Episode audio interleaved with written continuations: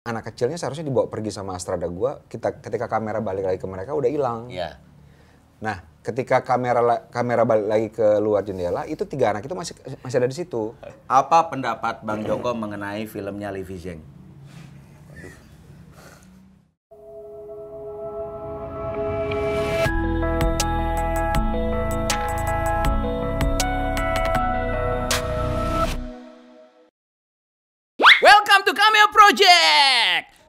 Tekan tombol subscribe-nya yang warna merah ya. Nah, jangan lupa juga pencet tombol lonceng biar dapat notifikasi. langsung cus.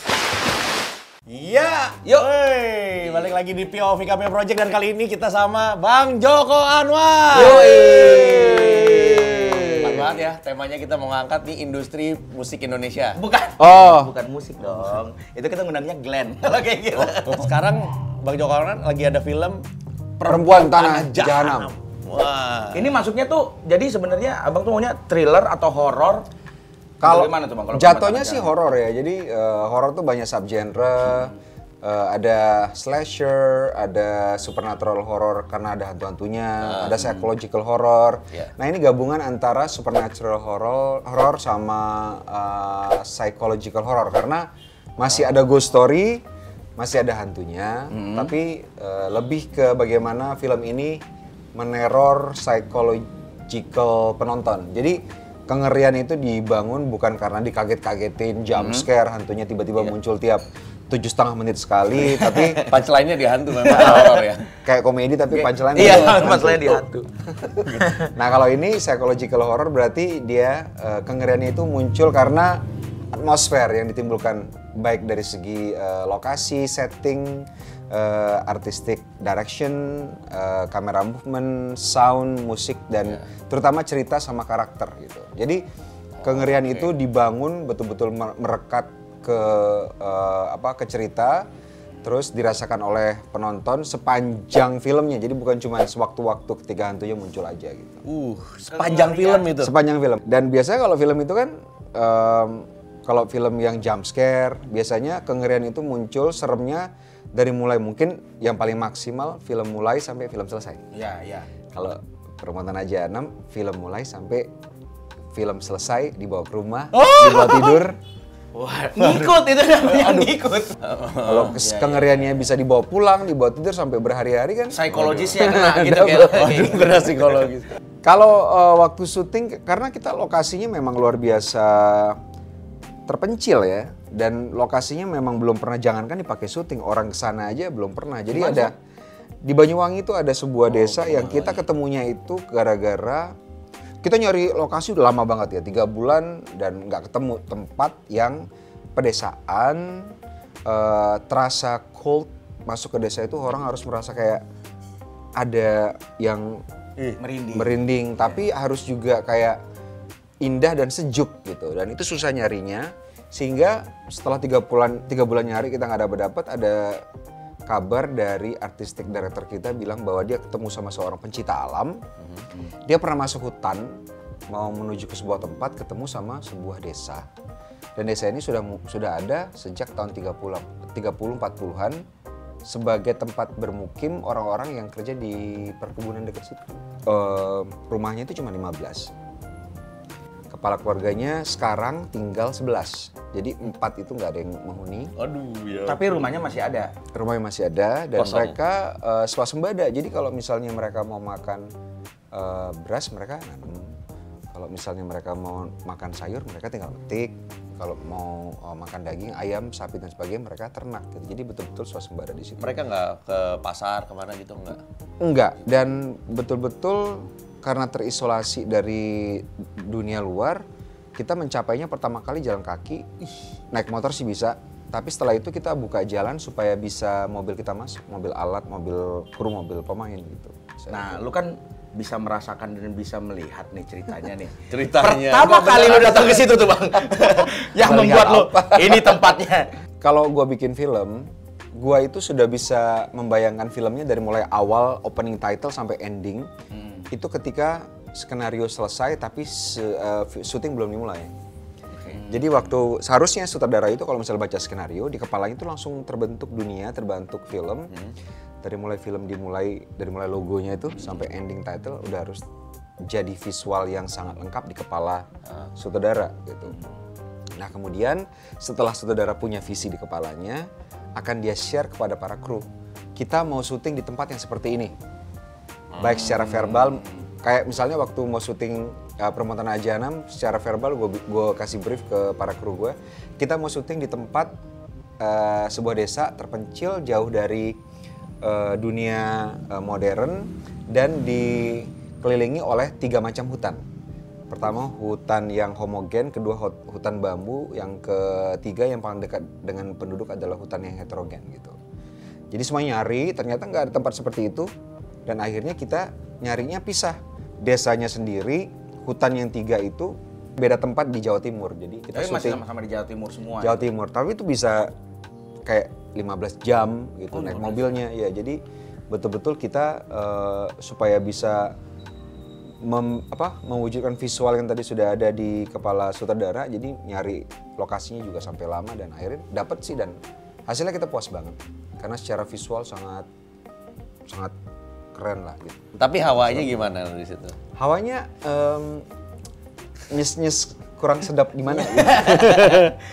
Nah itu sebelumnya kan lu udah si perempuan ini kan sudah ada di dalam benak lu selama, selama berapa tahun? Bang? 10 tahun ya?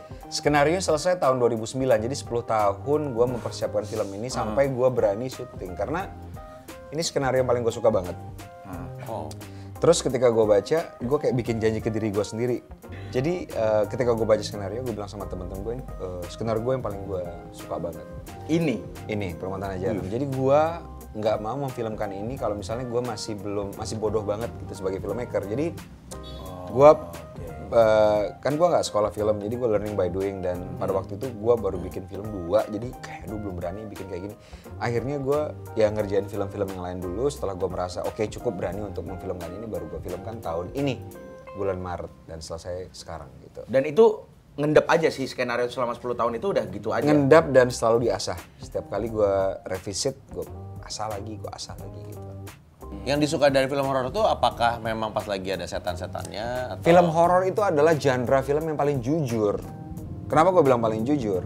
Karena kalau kita ngomongin film drama misalnya, kan kita bisa suka sama film drama karena kita intellectually amused, ya kan? Nah, Nah kalau film horor tuh nggak ada intellectually scared tuh nggak ada. Takut takut aja gitu, nggak ada takut secara intelek tuh nggak ada. Ya kan? Kalau film-film Iya, lain kan iya, iya, bisa.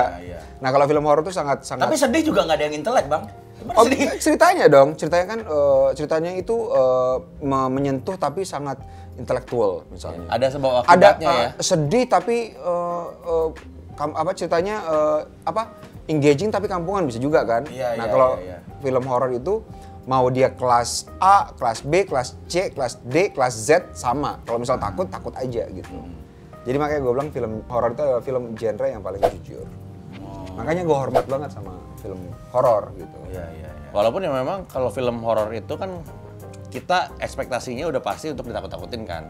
Tapi Iya, masalahnya masuk. waktu kita nonton film horor tuh ada yang nggak takut, mungkin takut biasa, Hmm. takut takut aja, takut banget gitu kan. Ya ter- tergantung filmnya memang benar-benar bisa menimbulkan rasa takut itu apa enggak. Kan ada film yang yang bikin pinter gitu bisa membangun ketegangan sampai akhirnya pecah jadi takut. Atau ada filmmaker yang memang nggak bisa membangun kengerian. Maksudnya ada film horor yang bagus, ada film horor yang nggak bagus gitu.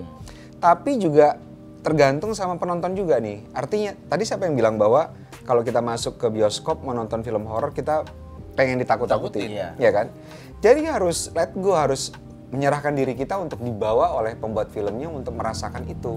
Kalau kita masuk bilang ini, ah nggak takut nih gue, nggak takut.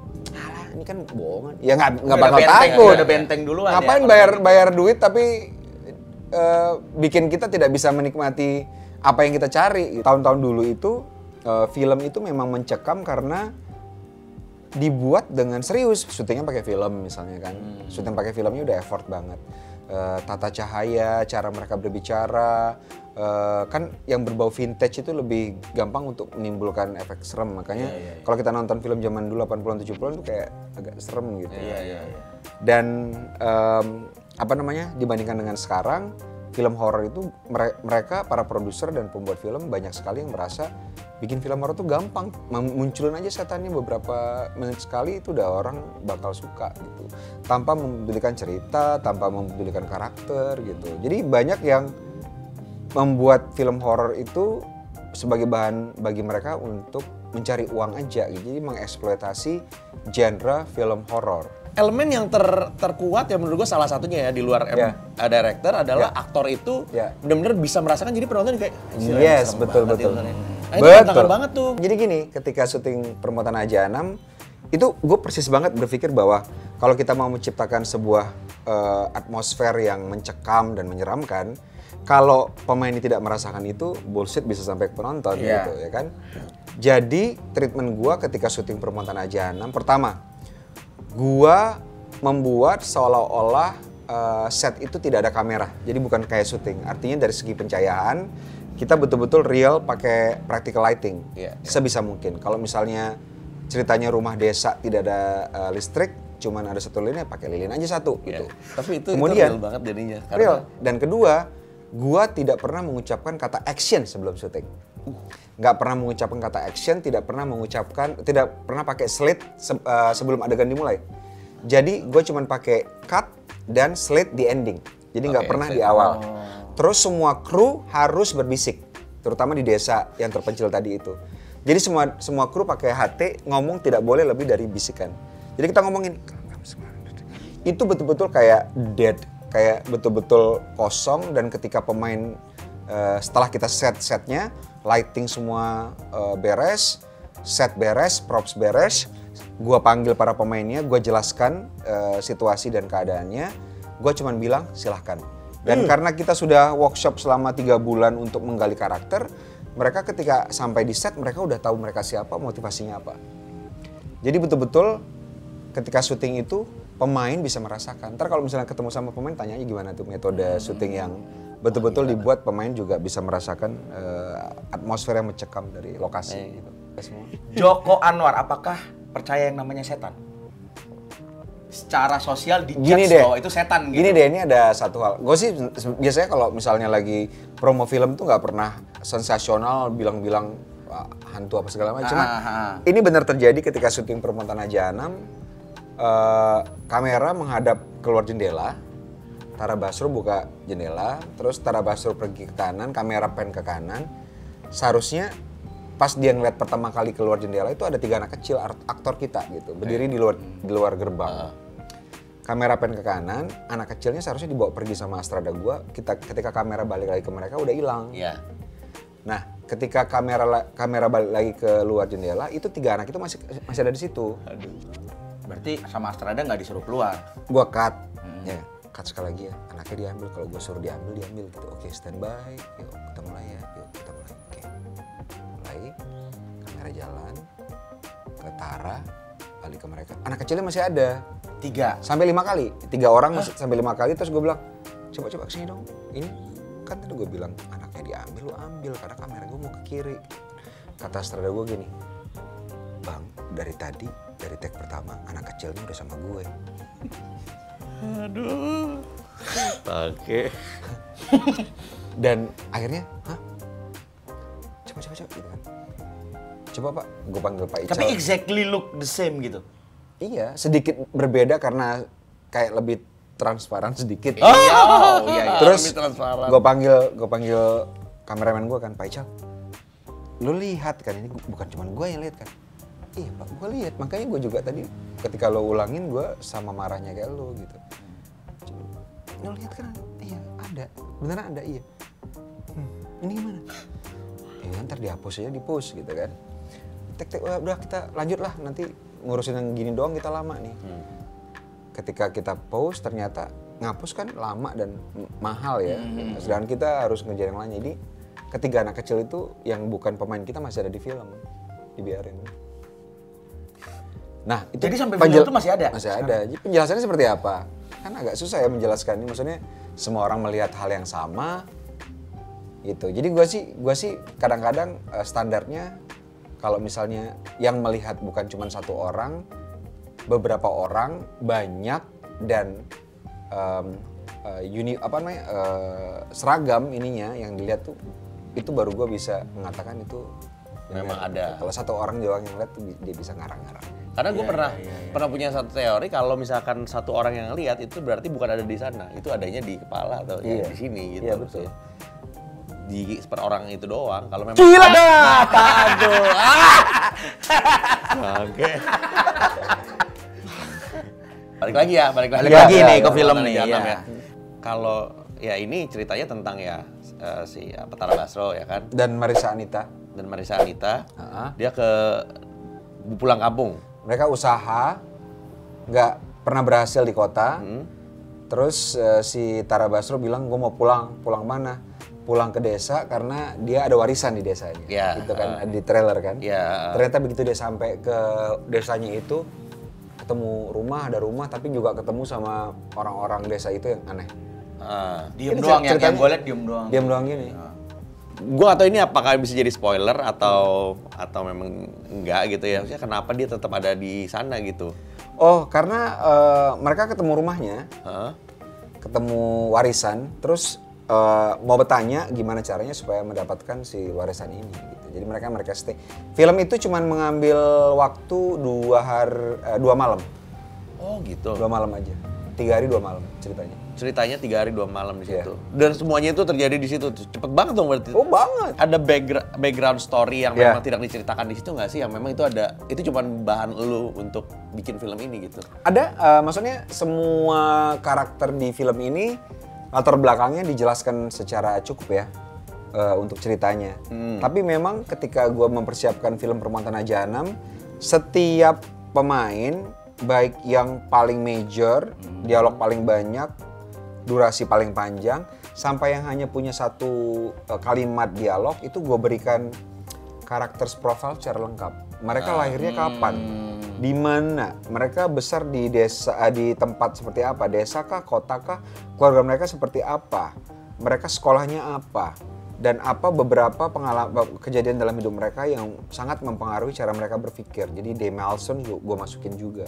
Kapan pertama kali mereka pacaran? Kapan pertama kali mereka ciuman? Siapa yang paling mereka cinta dalam dan sebagainya gitu. Karena gue percaya film hanya akan bisa jadi menarik kalau misalnya karakternya itu believable. Iya. Karakter hanya bisa jadi believable kalau mereka punya sikap yang tegas dan jelas terhadap lima hal utama dalam hidup. Politik, agama, seni, cinta, dan seks. Jadi isi karakter profile itu menjelaskan lima hal ini. Jadi gue workshop itu nggak baca skenario tiap hari diulang-ulang jadi basi. Iya. Tapi gue mempertajam karakter yang kita berikan dan kita diskusikan bersama. Jadi makanya ketika mereka masuk ke lokasi untuk syuting, mereka udah jadi karakter mereka, mereka tahu mereka siapa. Jadi nggak harus, "Eh, lu nanti jalan dari sini ke sana tiga langkah belok kiri, senyum 2 cm, senyum 3 cm, turunin lagi setengah persen gitu. Jadi kayak gini. Karena memang film Indonesia itu banyak sekali tidak tidak didirect dengan baik para pemainnya. Nanti kamu marah, kurang ajar. Turunin 50%. Kurang ajar. Naikin 10%. Kurang ajar. Jadi nggak natural. gitu. Pitch-nya ya, kalau kayak gitu ya. Director-director nggak bisa ngedirect gitu biasanya. Oh, Oke. iya, Jadi mereka result aja, result direction. Jadi kalau jadi seorang saudara nggak bisa kita nyuruh pemain untuk sedih, marah, nggak boleh menggunakan kata adjek- adjektif. Nggak boleh menggunakan kata keadaan. Sedih, marah itu kan kata keadaan. Yang kita jelaskan karakter mereka dan situasi seperti apa, bagaimana mereka berespon terhadap situasi itu. Di situlah letak kemampuan acting dari seorang aktor. Kalau kita sebagai director tidak mendirect, ya kita bukan director gitu. Nah, membuat film horor itu paling susah karena sangat presisi. Kalau misalnya kita bikin film drama, kita bisa bikin film dengan satu shot, dibiarin misalnya. Banyak juga yang bagus dan yang keren-keren juga seperti itu, banyak yang satu shot. Tapi kan ya pemain juga bagus, memang eh, motivasinya satu juga jelas kenapa gitu. Tapi kalau film horor dari segi framing, pemilihan lensa, em, apa namanya eh, timing blocking, terus eh, semuanya sangat presisi secara teknis dan timing. Iya, iya.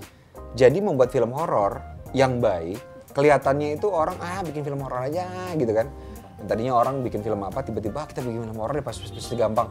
Film horor itu ada genre yang paling susah untuk dibikin trust me karena gue udah bikin semua genre yang paling susah horor sampai sakit karena harus presisi banget. Bikin film action harus pre- presisi. Bikin film horor lebih harus presisi banget.